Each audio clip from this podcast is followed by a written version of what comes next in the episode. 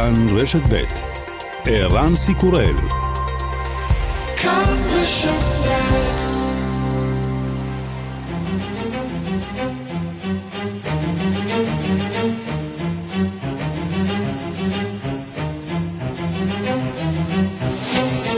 השעה הבינלאומית 6 בנובמבר 2019 והיום בעולם. איראן מחדשת את העשרת האורניום לדרגה של 5% במתקן הגרעיני בפורדו, אבל מאשימה את ארצות הברית, כך בשידורי הרדיו האיראני הממלכתי בשפה העברית. הממשל האמריקני מנהל מדיניות שחצנית כלפי כל מדינות העולם, והסנקסות האלה נגד הגורמים האיראנים מתווספים לפשעים האמריקניים נגד העם האיראני. ראש הממשלה נתניהו גינה אתמול את הצעד האיראני. איראן expands its aggression everywhere. Uh, it seeks to envelop Israel, it seeks to threaten Israel, it seeks to destroy Israel. We fight back. איראן מרחיבה את התוקפנות שלה בכל מקום, היא מנסה לאיים על ישראל, להשמיד את ישראל. אנחנו נלחמים בחזרה. נוכח מאמציה של איראן להרחיב את תוכניתה הגרעינית, להגביר את ההעשרה במטרה לבנות פצצה גרעינית, אני שב ומדגיש, לעולם לא ניתן לאיראן לפתח נשק גרעיני, לא רק לטובת ביטחוננו, אלא לטובת ביטחון העולם כולו. איתות פוליטי לנשיא טראמפ, המפלגה הדמוקרטית רושמת הישגים נאים בבחירות המדינתיות. בפעם הראשונה אחרי 20 שנה ישלטו הדמוקרטים בבית הנבחרים של וירג'יניה. הדמוקרט אנדי בשיר יכהן כמושל קנטקי. And tonight, I think we showed this country that in Kentucky we can disagree with each other while still respecting one another. הלילה הראינו למדינה שבקנטקי אפשר לא להסכים, אבל להמשיך לכבד זה את זה. נמשכות ההפגנות נגד נשיא צ'ילה סבסטיאן פינרה, אך פינרה נחוש בדעתו להישאר בתפקידו. There are calls for you to resign. Will you? No. I'm responsible of part of it and I assume my responsibility, but I'm not the only one. לא אתפטר, יש לי אחריות למתרחש, אבל אני לא האחראי הבלעדי. גרמניה תציין בסוף השבוע 30 שנה לנפילת חומת ברלין, ששודרה בשידור חי גם כאן בכל ישראל, כך זה נשמע אז מפי כתבנו בבוני גל רום.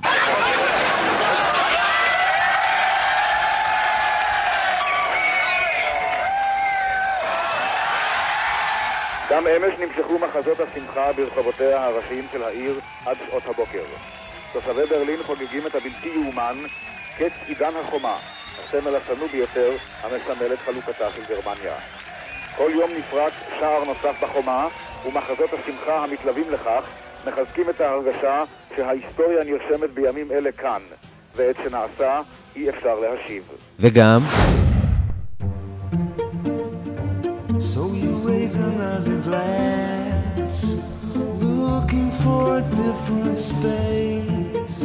קול מעולם המתים, ג'ורג' מייקל בשיר חדש שהוקלט לפני מותו בגיל 53 בשנת 2016, כך אנחנו רוצים להרים אותך, זהו שמו.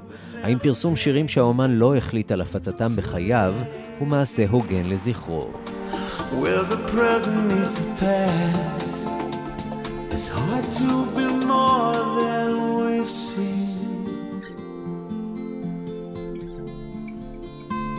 It's hard to be more than we've seen.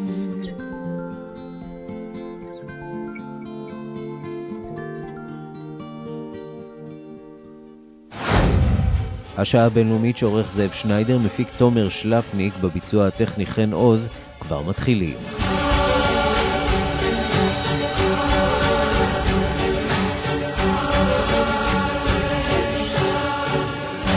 שלום רב לכם, אנחנו פותחים באיראן שהחלה להזרים היום גז לסרכזות להשארת אורניום במתקן התת-קרקעי שלה בפורדו, צעד נוסף בהחלטתה להפר בהדרגה את ההתחייבויות אה, במסגרת הסכם הגרעין. הסוכנות הבינלאומית לאנרגיה אטומית אומרת שפקחים שלה נמצאים בשטח והם יעבירו דיווח למטה הסוכנות אה, בווינה. בד בבד מודיע המשטר בטהרן שמהיום הוא יעשיר אורניום לדרגה של חמישה אחוזים. היושב ראש של הוועדה לאנרגיה אטומית של איראן, סלהי, מציין ש... איראן מסוגלת להשאיר אורניום גם לדרגה של 20 אחוזים, וממשל טראמפ, אה, שפרש חד צדדית מהסכם הגרעין עם איראן וחידש את העיצומים עליה, אומר בתגובה כי איראן עשתה צעד גדול בכיוון הלא נכון. שלום לכתבנו בוושינגטון, נתן גוטמן. שלום ערן. אז אלה התגובות אה, מוושינגטון, זעם, כעס, אבל אין הפתעה. לא, אין הפתעה, זאת הציפייה של האמריקנים, בסך הכל המהלך הזה מתגלגל בשלב הזה כמו שהם רצו, ארה"ב החליטה, להפר את ההסכם, העלתה את הסנקציות, הלחץ על איראן גובר, איראן מצידה עכשיו בשלבים פורשת גם היא מההסכם ומפירה אותו, כאשר אנחנו מגיעים עכשיו אולי לנקודת ההפרה המשמעותית ביותר שראינו, עד עכשיו שום דבר לא נעשה בחשאי, הכל אה, נעשה בגלוי, בעצם עכשיו זה מגלגל את הכדור בחזרה למגרשם של האמריקנים שיצטרכו להגיב, כאשר יש גם כאלה בוושינגטון שאומרים אוקיי עכשיו זאת כבר בשלב הזה זאת כבר לא רק בעיה של ארצות הברית, זאת מתחילה להיות גם בעיה של אירופה, שעד עכשיו פחות או יותר הצליחה לדבוק בהסכם הזה ולנסות להציל את ה-JCPOA, את הסכם הגרעין, עכשיו בשלב הזה כבר די ברור שאי אפשר לעשות את זה, בואו נראה מה הם יעשו. מה האסטרטגיה האמריקנית? לאן הם מתכוונים להוביל את המהלך הזה מול האיראנים? Um, עד כמה שאפשר להבין, התקווה של האמריקנים הייתה, ואולי היא עדיין, שבסופו של דבר איראן תהיה הראשונה למצמץ, שהלחץ הכלכלי יהיה כל כך מסיבי, שאיראן um, תיגרר. בסופו של דבר, כפי שהיא עשתה בתקופת אובמה, שאיראן לא תוכל לעמוד בלחץ ותיגרר למשא ומתן, ואז המשא ומתן הזה יהיה על הסכם מסוג חדש, שיכלול גם אה, אה, נושאים רבים יותר, גם טווח ארוך יותר, בעצם איזשהו JCPOA משופר, פלוס טילים בליסטיים אה, והכל, אבל בשביל זה הם צריכים שהאיראנים באמת יתנהגו בצורה הזאת, וגם אה, צריכים להדק עוד קצת את הברגים של הסנקציות, כלומר אה, להפסיק את הפטורים שיש לכמה מדינות כיום מרכישת נפט איראני, ולדאוג לכך שהכלכלה האיראנית באמת תגיע לכדי עצירה לפני שאפשר יהיה להתקדם. בואו נצרף אלינו את דוקטור אמילי לנדאו, ראש התוכנית לבקרת נשק במכון למחירי ביטחון לאומי. שלום לך. היי, שלום. Uh, אני אשאל אותך את מה ששאלתי את uh, נתן, האסטרטגיה, לאיפה ארצות הברית uh, בעצם חותרת, מה ממשל טראמפ רוצה להשיג במהלכים האלה, שבסופו של דבר מובילים לפירוקו של ההסכם ולהעלאת העשרת האורניום. תראה, זה עדיין לא מוביל לפירוק ההסכם, ההסכם עדיין קיים, אם כי אה, הוא בבעיה כרגע, אבל בואו לא נשכח שכל המטרה של ממשל טראמפ הייתה לשפר את ההסכם הזה. ההסכם פגום, להסכם יש חורים רציניים שהופכים אותו לכזה שלא יעצור בהמשך הדרך את איראן מלפתח יכולת גרעינית צבאית. זאת כל המטרה. ברמה הטכנית, לפני... המהלך הזה אה, כן. שביצעה איראן עכשיו, עד כמה הוא מקרב אותה לקראת אה, המטרה הזאת כן. של פצצה גרעינית? העניין הוא לא כל כך שזה מקרב אותה כרגע, אלא הצעד האחרון בפורדו הוא צעד מאוד רציני, מכיוון שמדובר במתקן העשרת אורניום קטן, שלא היה אמור להתגלות, הוא, אה, שירותי המודיעין גילו אותו לפני כעשר שנים, אבל זה מתקן שאיראן בנתה אותו במפורש על מנת שיהיה סודי מתחת להר מאוד מאוד ממוגן, ושהוא יוכל לספק כמות של אורניום מועשר לדרגה גבוהה. לדרגה צבאית לפצצה או שניים בשנה. זה היה הייעוד של פורדו.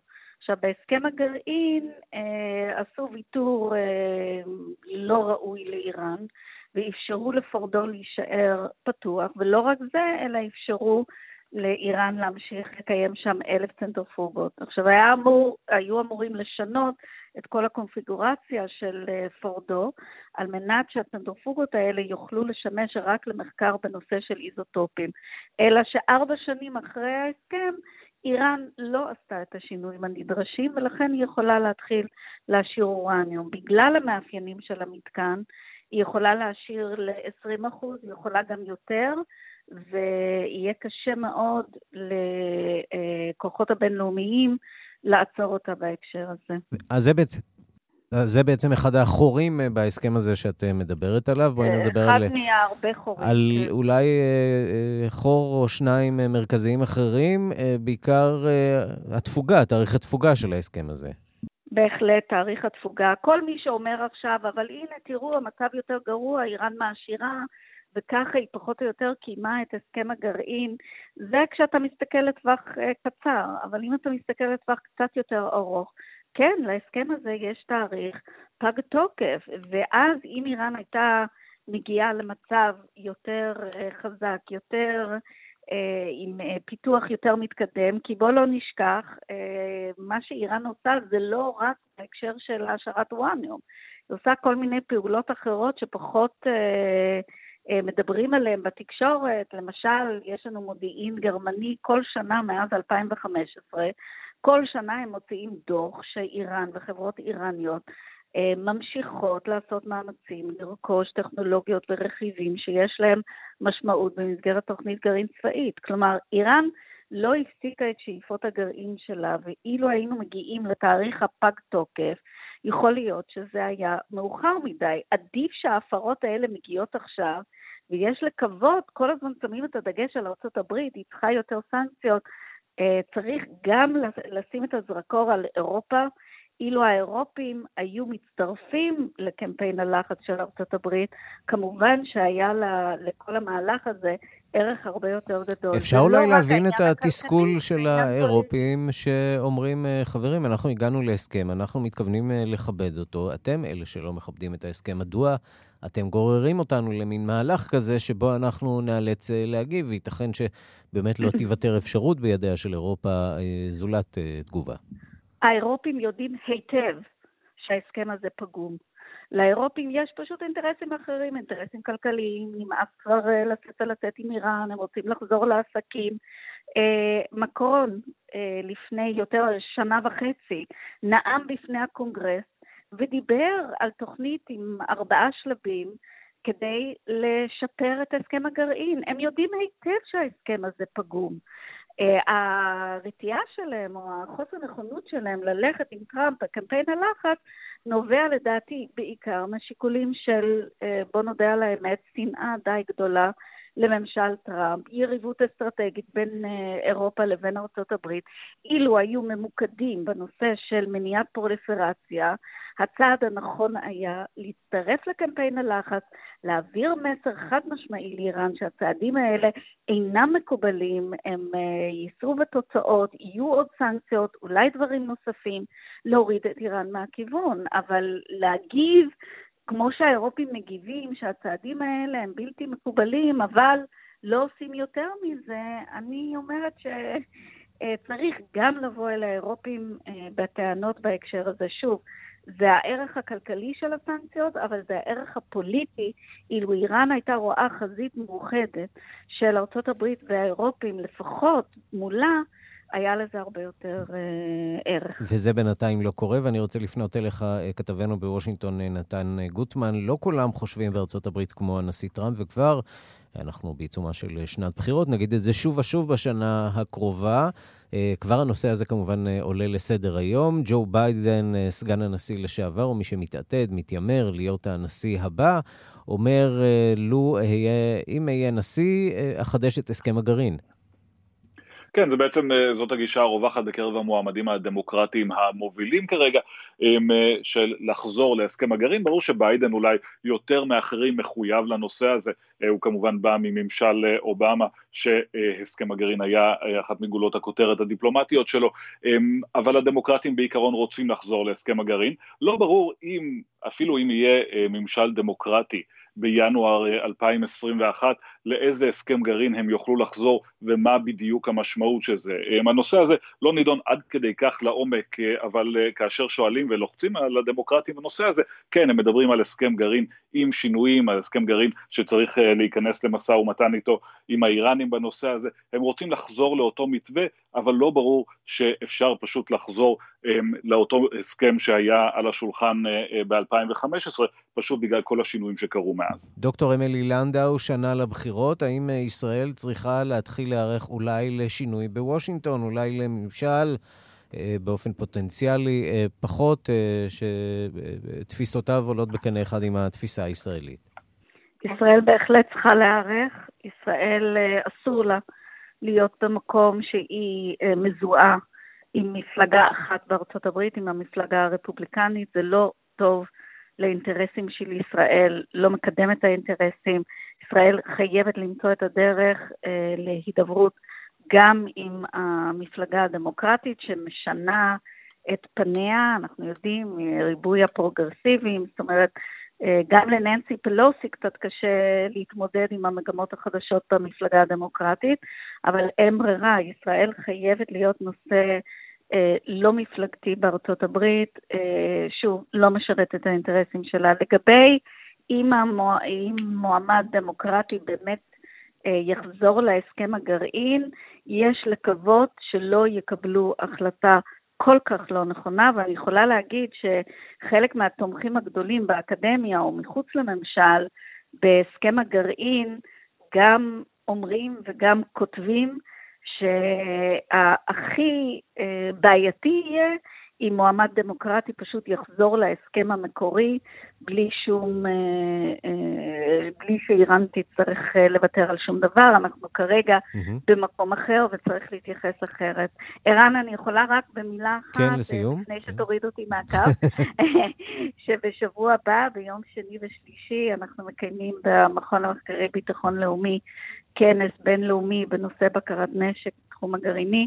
אנחנו נעסוק במכלול אה, שלם של אה, סוגיות, אה, גם בפאנלים סגורים, אבל גם יש הרצאות פתוחות לקהל הרחב. כמובן נתמקד באיראן וצפון קוריאה, והציבור מוזמן. מומלץ בהחלט. דוקטור אמילי לנדאו, ראש התוכנית לבקרת נשק במכון למחקרי ביטחון לאומי, תודה רבה לך. תודה לכם. אנחנו שבים אליך, כתבנו בוושינגטון אה, נתן גוטמן, אה, והדמוקרטים אה, בהחלט יכולים לשאוב עידוד מבחירות שהתקיימו אתמול בכמה מדינות בארצות הברית. כמעט לא עסקנו בזה כאן, אבל עד כמה מדובר באמת באינדיקציה, בחירות למושלים, בחירות לבתי נבחרים מקומיים, עד כמה זו אינדיקציה לרוח של שינוי שעוברת על ארצות הברית? אז זו אינדיקציה, אם אתה מנצח אז זאת אינדיקציה שהמפלגה שלך בכיוון הנכון, ואם אתה מפסיד אז אתה אומר שזה לא קשור לשום דבר. זה בסופו של דבר, כך זה מתנהל. ראינו אתמול אה, בחירות בשלוש מדינות, במיסיסיפי אמ, האדומה נשארה אדומה, מושל רפובליקני ניצח, לא היו שם שום הפתעות. אמ, קנטקי, מדינה מעניינת, מדינה אדומה, מדינה שהנשיא טראמפ השקיע בה מאמץ אמיתי כדי לעזור למושל להיבחר, הוא היה שם בלקסינגטון רק ביום שני האחרון בעצרת ענקית, מאוד דחף לנושא הזה, אבל זה לא עזר. הדמוקרטים, הרפובליקנים הפסידו את מושלות אה, קנטקי, וזה כן משמעותי, זה סימן לכך שאין כאן איזושהי הצבעה פרו-טראמפית, פרו-רפובליקנית אוטומטית, זה לא בהכרח אומר שקנטקי אה, תפנה עורף לדונלד טראמפ בבחירות הכלליות, אבל זה כן מראה שיש שם יותר גיוון ויותר סיבה לדאגה אצל הרפובליקנים. בואו נשמע תחילה דברים שאומר המנצח, המועמד הדמוקרטי אנדי בשיר. Tonight, voters in Kentucky sent a message loud and clear for everyone to hear. It's a message that says our elections don't have to be about right versus left. They are still about right versus wrong. אה, המסר הכללי והמאחד, אגב צריך לשים לב שמועמדים אה, דמוקרטיים במדינות אה, מהסוג הזה תמיד מנסים לשדר מסר מתון יותר, לא מסר ליברלי מדי, כדי לדאוג לכך שגם מצביעים מהמרכז ומצביעים רפובליקנים יעברו אליהם. מעניין לציין שהרפובליקנים לא מקבלים עדיין את אה, הכרעת הבוחר בקנטקי, יש אה, לפי הספירה רוב של חמשת אלפים קולות למען בשיר, אבל הרפובליקנים דורשים ספירה מחודשת או בדיקה מחודשת של הקרב הצמוד הזה, כך נשמע המושל, אולי המושל היוצא הרפובליקני, מאט בבן. With respect to our race, would it be would it be a Bevan race if it wasn't a squeaker? I mean, come on. I mean, really and truly, this is a close, close race. We are not conceding this race by any stretch. Not at all. And here's the thing understand this, though. Understand this. We want the process to be followed, and there is a process. We know for a fact that there have been more than a few irregularities. אי סדרים. כן. אי סדרים, זיופי בחירות, נחכה לתהליך, אנחנו לא מודים בזה עדיין, אז כן, התהליך הזה מתרחש, גם הנשיא טראמפ לא מקבל עדיין את ההכרעה בקנטקי. ועוד חדשות מ... דרמטיות שמגיעות מווירג'יניה, מדינה שנחשבת לרוב רפובליקנית, בית הנבחרים שלה היה רפובליקני ב-20 השנים האחרונות, עברה טלטלה לא פשוטה גם עם ההפגנות מסביב לפסל. פסל מייסד הפדרציה, הקונפדרציה האמריקנית, ועכשיו אנחנו רואים שהשליטה שם עוברת לידיים דמוקרטיות. כן, הדמוקרטים משלימים את ההשתלטות שלהם על כל um, בתי המחוקקים, uh, על בית המחוקקים והסנאט במדינת וירג'יניה, הופכים אותה לדמוקרטית לחלוטין, משקף בעיקר את השינוי הדמוקרטי של וירג'יניה, צפון וירג'יניה, בעצם פרבר של וושינגטון, מתחיל להתנהג כמו וושינגטון, כלומר לגמרי לגמרי דמוקרטי, um, שאר המדינה קצת פחות, אבל זה משנה פחות, זה חשוב גם מבחינה סמלית כמובן, ש... וירג'יניה מבססת את מעמדה כמדינה כחולה, גם מבחינה מעשית, הרבה צעדים שהדמוקרטים מנסים לקדם במדינה, בתחום פיקוח על נשק, בתחום ביטוח בריאות, נבלמו עד עכשיו בבית הנבחרים הרפובליקני, ומעכשיו זה ישתחרר. בואו נשמע דברים שאומר מושל וירג'יניה הדמוקרטי, רלף נורת'ם. Because I'm here to officially declare today, November the 5th, 2019, that Virginia is officially blue. Congratulations. וירג'יניה כחולה ומבשר, סביר שזה גם מה שיהיה בבחירות, זה מה שהיה בבחירות הנשיאות, לנשיאות האחרונות, וירג'יניה הולכת עם הדמוקרטים, לא, לא הפתעה גדולה, אבל קצת אי נעימות לרפובליקנים ולנשיא טראמפ שנמצא בוושינגטון הסמוכה. המבחן האמיתי הוא כמובן בעוד שנה. נתן גוטמן, כתבנו בוושינגטון, תודה. תודה רבה. השעה הבינלאומית אנחנו נשארים בצפון אמריקה. האם מדיניות הנשיא דונלד טראמפ נגד פליטים ומהגרים תוביל להצבתה של קנדה ברשימה השחורה של מדינות לא בטוחות? התביעה הזאת נידונה השבוע בבית המשפט בקנדה. מדווחת כתבתנו בוונקובר, לימור שמואל פרידמן. ארגון אמנסטי הבינלאומי דורש מבית המשפט בקנדה לקבוע שארצות הברית איננה מדינה בטוחה למבקשי מקלט. בין קנדה לארצות הברית נמתח גבול באורך של יותר מ-8,000 קילומטרים. רובו לא מסומן ולא מגודר ובעצם לא קשה לשבת באמצע יער או שדה, רגל פה ורגל שם. בשנתיים האחרונות חצו את הגבול לא גבול למעלה מ-50 אלף מבקשי מקלט. אילו היו חוצים במעברי גבול רשמיים בין קנדה לארצות הברית, שמורה לקנדה הזכות להחזירם על עקבותיהם לאמריקה, שכן זו המדינה הבטוחה הראשונה אליה הגיעו, כך על פי האמנה הבינלאומית.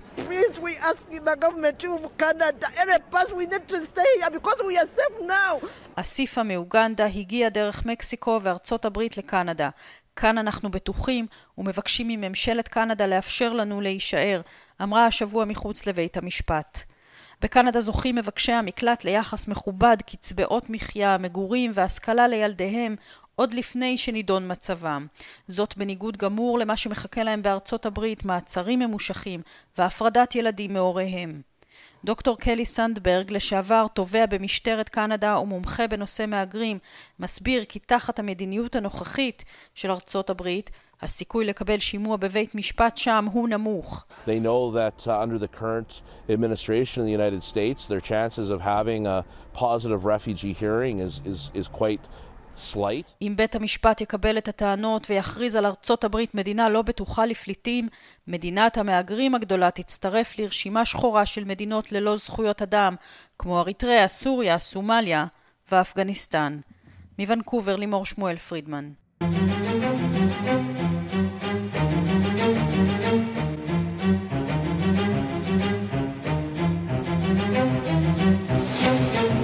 ז'אן קלוד יונקר, נשיא הנציבות האירופית היוצא, שצפוי לסיים את תפקידו בקרוב, העניק ראיון לכתבת ה-BBC קטיה אדלר, ובו אה, שיתף בתסכולו מהליך הברקסיט הממושך. עם זאת אומר יונקר שהוא מאמין שעד סוף חודש ינואר יאושר ההסכם בין בריטניה לאיחוד. הוא לא מאמין שיתקיים משאל עם נוסף, ובינתיים מערכת הבחירות בבריטניה יוצאת היום לדרך באופן רשמי. שלום לכתבנו בלונדון, עידו סואן. שלום, שלום ערן. ז'אן קלוד יונקר. אז כן, ז'אן קלוד יונקר העניק ראיון לקטיה אדלר, בו הוא שוחח על מצבו של האיחוד האירופי, על דונלד טראמפ, הסכם הסחר החופשי העתידי בין בריטניה לאיחוד, ואיך לא, גם על הברקסיט עצמו, נשמע קטע מהראיון. I was always of the opinion, I told uh, Cameron, I told uh, Theresa May and all the others, that this referendum could not be won. Because, because, because. And so I have a pound in my pocket. I don't uh, want to have a second pound. You think it will happen on the 31st Yes, of January? No I- more I- Brexit I do extensions, do you think think? that it will happen, but this is a too long story. It has to be brought אמרתי to an end. לקמרון ולתרזה מיי שהם לא יוכלו לנצח במשאל העם, אז יש לי פאונד אחד בכיס, אינני רוצה פאונד נוסף. לשאלת הכתבת, אה, האם ברקסיט יקרה עד ה-31 בינואר, הוא, הוא אומר, כן, אני חושב שהברקסיט יקרה, אבל זה סיפור שנמשך זמן רב מדי, והוא צריך להגיע לכדי סיום. כמו כן הוא נשאל מה דעתו על ההצהרות שמפזרים הפוליטיקאים השונים בבריטניה בימים אלו כהבטחת בחירות, בהן זו של ג'רמי קורבין, להגיע להסכם חדש עם האיחוד, שזה יהיה השלישי במספר. יונקר אמר בדיפלומטיות אופיינית כי עד אז הוא יסיים את תפקידו והנושא יהיה נתון להחלטתה של נשיאת הנציבות או החדשה. במילים אחרות שישברו את הראש, זה לא העסק שלו. שישברו את הראש, הוא אומר, נמאס לי, היה לי מספיק מברקסיט, היא שואלת אותו קטיה האם הוא אה, לא היה רוצה להישאר בתפקיד עד אשר הברקסיט ייושם, הוא אומר לא, היה לי מספיק ברקסיט בחיים, הוא אומר אגב שלדעתו לא סביר שהאיחוד יפתח מחדש את המשא ומתן, אבל כאמור זה לא נתון להחלטתו, אה, וכן, היום בוריס ג'ונסון אה, כבר נסע אה, למשכנה של המלכה להכריז באופן רשמי על פיזור הפרלמנט, בדקות אלו הוא צפוי לשאת דברים מחוץ לדאונינג 10. לגבי מה הסיבות אה, להליכה לבחירות, ואחר כך הוא צפוי להשיק את הקמפיין של השמרנים דווקא בווסט מידלנד, שזה מחוז אה, מובהק של הלייבור. קרב מרתק. עידו סואן כתבנו. בלונדון. תודה. תודה, ערן. אנחנו מכאן אה, לאירופה, נשארים באירופה. אנחנו אה, לברלין, שבה אה, הכל קרה לפני 30 שנה, וכפי שמתברר גם ממשיך לקרות לאורך כל השבוע הקרוב. שלום לאנטוניה ימין, כתבת כאן באירופה. שלום, ערן. את מצטרפת אלינו מהבירה הגרמנית, שכבר מתחילה לחגוג ולשמוח, למרות שאת יודעת, צפינו בסדרה שלך לאורך כל השבוע, גם בחדשות הערב, גם כאן אצלנו. נראה שלפחות למזרח גרמנים אין המון סיבות לחגוג.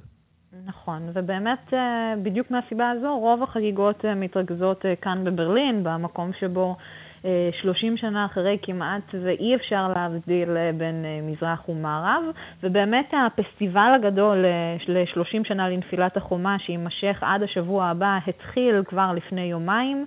אה, פה בברלין יש מי שטוען שתשעה בנובמבר הוא היום המאושר ביותר בהיסטוריה של הבירה הגרמנית, חשוב יותר אפילו מחג המולד והסילבסטר.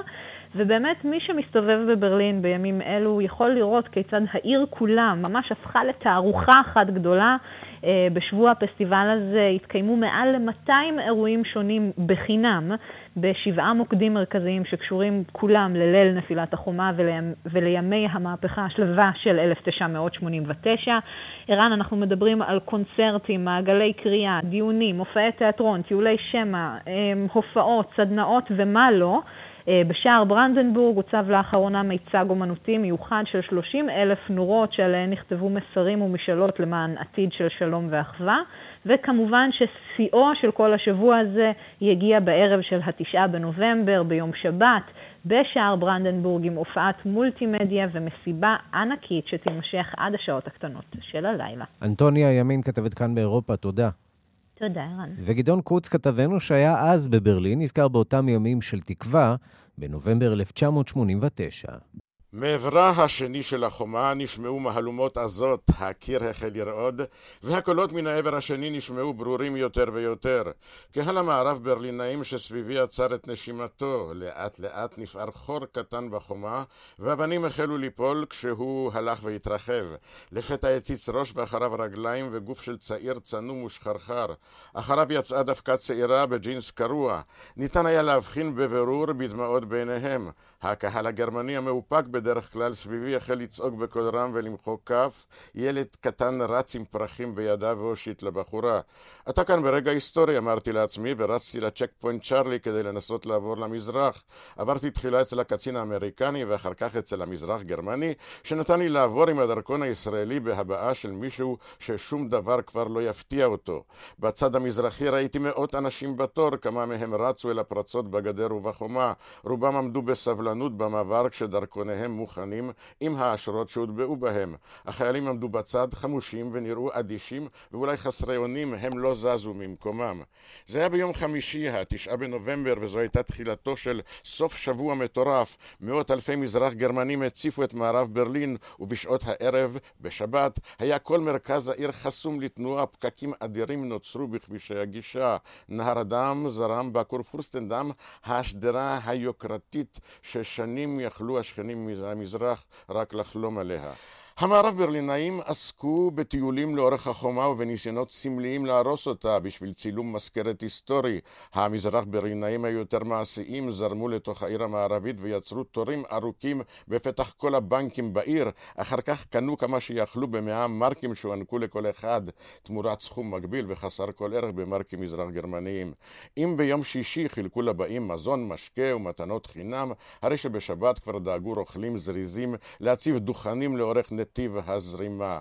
קל היה להכיר את המזרחים לפי בגדיהם וגם לפי מפות העיר שהחזיקו בידיהם, קשה היה שלא להתרשם מפניהם הנפעמות של העוברים בצ'ק פוינט צ'ארלי, ברכב המכוער ברבנט וברגל. משפחות שלמות, אמהות דוחפות, עגלות תינוקות, עיוור נתמך מובל על ידי כלב, כולם ניצבים המומים מול חלונות הרבה וממלאים את הברים. המזרח גרמנים התקבלו במערב כגיבורים שזכו בניצחון בזכות עמידה אמיצה על זכויותיהם, אבל כבר בשבת ניתן היה להבחין בעצבנות מסוימת בקרב אזרחי המערב שנאלצו להידחק ברכבת התחתית ולעמוד בתור לשירותים השונים. תושבי מזרח ברלין שחזרו מביקור ראשון במערב נראו מרוצים. נלוויתי אליהם שוב, הפעם שמתי את פעמיי לאספת אזרחים בטלמנט פארק. הייתה זאת אחת האספות שערכו שלטונות מזרח ברלין במטרה לשכנע את התושבים המעטים שנותרו בסוף השבוע בעיר שלא לעזוב אותה. אוריך קוך, סופר מזרח גרמני שעסק בחקר השואה, סיפר לי כי הותקף ברכבת התחתית על ידי חבורת ניאו-נאצים ששרה את ההמנון הנאצי הורסט וסל, וזאת לאחר שדרש מהם כי יפסיקו לשיר. אבל באותם ימי שיכרון בברלין בראשית נובמבר 1989 ראיתי בעיקר גרמנים מאושרים, ומסביב עולם שנהנה כמובן מההצגה, אבל אז עדיין זכר את מה שהיה יובל שנים קודם והפגין זהירות וחשדנות. כאן גדעון קוץ.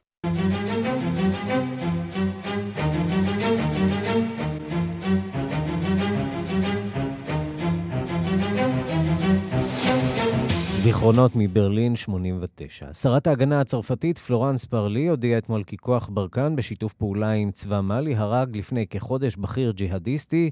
מדובר בעלי מאיצ'ו, אשר לדברי פרלי היה הטרוריסט השני הכי מבוקש בסהל, גם מבחינתם של האמריקנים. דיווחה של עורכת אפריקה, רינה בסיסט. שרת ההגנה הצרפתית פלורנס פרלי הגיעה אתמול לבירת מאלי במקו. תחנה ראשונה בסבב ביקורים בין מדינות הסהל. הימים האחרונים היו קשים מאוד מבחינה ביטחונית במאלי. לפני ימים אחדים נהרגו 49 חיילים מצבא מאלי סמוך לגבול עם ניג'ר בהתקפה של ג'יהאדיסטים. יום לאחר מכן נהרג חייל צרפתי במאלי כאשר רכבו עלה על מטען חבלה. ההסלמה הזאת במצב מדאיגה מאוד את אירופה.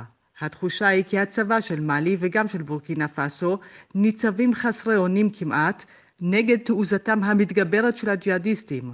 במסיבת עיתונאים משותפת שערכה אמש השרה בבמקו עם נשיא מאלי אברהים בובקר קייטה, היא הבטיחה להרחיב את הנוכחות הצבאית האירופית. או במילים אחרות, אירופה תשלח חיילים שיצטרפו אל הכוח הצרפתי ברקן, אשר נמצא בשטח כבר כמה שנים. Rien ne serait pire que de donner raison aux terroristes en baissant la garde au moment où euh, הגרוע ביותר יהיה לאשש את הטרוריסטים בכך שנוריד את המגננות שלנו דווקא ברגעים שבהם אירועים דרמטיים כל כך מתחוללים, כך אמרה פרלי. וכדי להדגיש שמדובר לא רק בכישלונות אלא גם בהצלחות, חשפה השרה הצלחה חשובה בחודש שעבר. פרלי מסרה כי במבצע צבאי משותף של שתי המדינות, בתשעה באוקטובר, נהרג עלי מייצ'ו, שהיה מספר שתיים בארגון ג'מאט נוסרת אל-אסלאם, ארגון המקורב לאל-קאעידה. לדברי פרלי, מייצ'ו היה בעל השפעה ניכרת מאוד בקרב קבוצות הטרור הפועלות בסהל, ואחראי לשורה ארוכה של פיגועים. נטרולו אמור לערער את ביטחונם העצמי הגבוה של הג'יהאדיסטים באזור. כאן רינה בסיסט. אנחנו נשארים עם הטרור הפעם באסיה, בפיגוע שביצע הלילה ארגון בדלני מוסלמי במחוז יאללה שבדרום תאילנד. נהרגו 15 בני אדם, בהם שוטרים, מתנדבים ותושבי האזור. שלום לכתבנו בבנקוק רועי באק. שלום, ערב טוב. מה אנחנו יודעים בינתיים? כן, מדובר בהחלט באחת התקריות האלימות ביותר אה, שידע אה, אה, דרום תאילנד בשנים האחרונות, מאז החלו בעצם ארגונים בדלניים מוסלמיים קיצוניים, מדובר בשלוש, בשלושה מחוזות, יאללה, פתני ונרטיוואט. הם החלו לבקש עצמאות, בו בהתחלה באופן פסיבי ועכשיו באופן אקטיבי ואלים, לפחות ב, בוא נגיד בשש-שבע שנים האחרונות. וכן, בשעות הלילה, 11 ו-20, שעון בנקוק בלילה, אה, אלמונים אה, פשוט אה, חדו ממצג רומי סמוך לכיוון מה שנקרא עמדת בידוק ביטחונית. מדובר ככל הנראה בעשרה אנשים. הם פשוט הפתיעו את מי שהיו שם, חלקם היו אנשי כוחות הביטחון, חלקם היו מה שנקרא מתנדבים, מה שנקרא במשמר האזרחי. התוצאות היו עגומות מאוד, נכון עכשיו 15 הרוגים, יש גם מספר פצועים, והם גם נמלטו, גנבו את נשקם, ולא רק זאת, הם אפילו הניחו מטעני חבלה, מסמרים על מנת להקשות על כוחות ההצלה לחלץ, ולכן את, את הנפצעים, ולכן חלקם אגב הלכו לעולמם בבית החולים. ובהחלט מדובר בעוד אחת משרשרת אה, התקריות האלימות שבאזור, אזור שלא ידע מנוח בשנים האחרונות. אגב, רק, רק אה, להרגיע או להסביר למאזינים, זה לא, לא אזור של תיירים, כן. לא, לא, לא, לא, מדובר באזור שיש עליו, אגב, חל עליו עוצר צבאי, אין שם uh, תיירים. שלושה מחוזות, יאללה, פתני ונרטיוואט. אה, הדרום הרחוק של תאילנד שגובל במלזיה, וכן, בהחלט חיים לא קלים שם לתושבים. רועי בא, כתבנו בבנקוק, תודה. תודה. השעה הבינלאומית אנחנו עם קצת תרבות ועם המלצת סוף השבוע שלנו לסרט דיוקן, נערה עולה באש. שלום למירי קרימולובסקי, חוקרת התרבות בארץ ובעולם. שלום, שלום, ערן. זוכי פרס התסריט בפסטיבל כאן. נכון, ולא בכל יום אה, אנחנו זוכים לראות סרט שמדבר על אהבת נשים במאה ה-16, כן? זה לא מדובר על אה, ממש הזמנים אה, שלנו. סיפור שאגב מתחיל... אה, הנה עכשיו יותר שקט, סיפור שמתחיל באומנות, מתחיל בציירת שמוזמנת לצייר אה, דיוקן של אישה ועושה אותו יותר טוב מהגבר כי היא לומדת להכיר את האישה. בוא נשמע.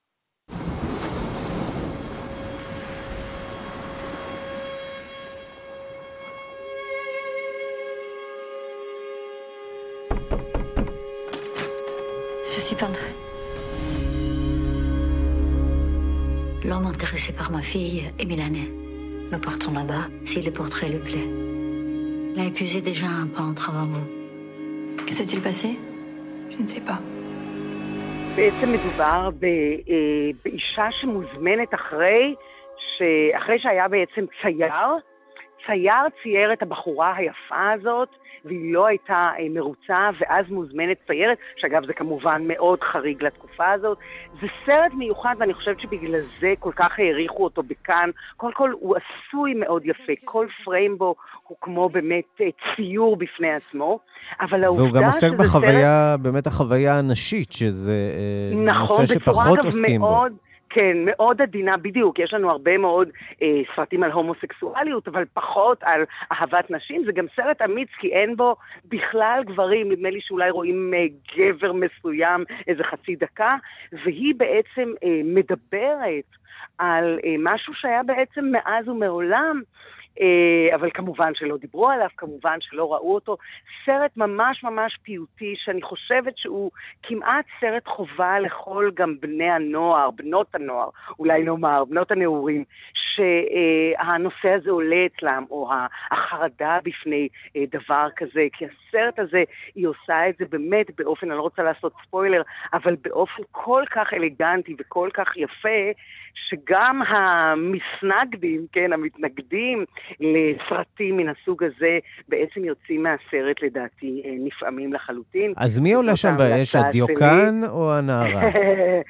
אה, הדיוקן הראשון, לא הדיוקן השני. הדיוקן הראשון שעשה אותו הגבר שלא הבין לנשמתה, אתה יודע, בדיוקנאות, כל החוכמה היא, תחשוב על רמברנד שתמיד צייר את עצמו, על ואן גוך, איך אתה בעצם מעביר משהו שהוא מעבר לפס... הפסאדה החיצונית, והיא בעצם מצאה את המפתח אל הדמות הזאת, ומזה זה כאמור אה, מתפתח לסיפור אה, יוצא דופן. אז זאת ההמלצה שלי, אה, דיוקן הנערה עולה באש. מירי קרימולובסקי, חוקרת התרבות בארץ ובעולם, תודה. תודה, ערן.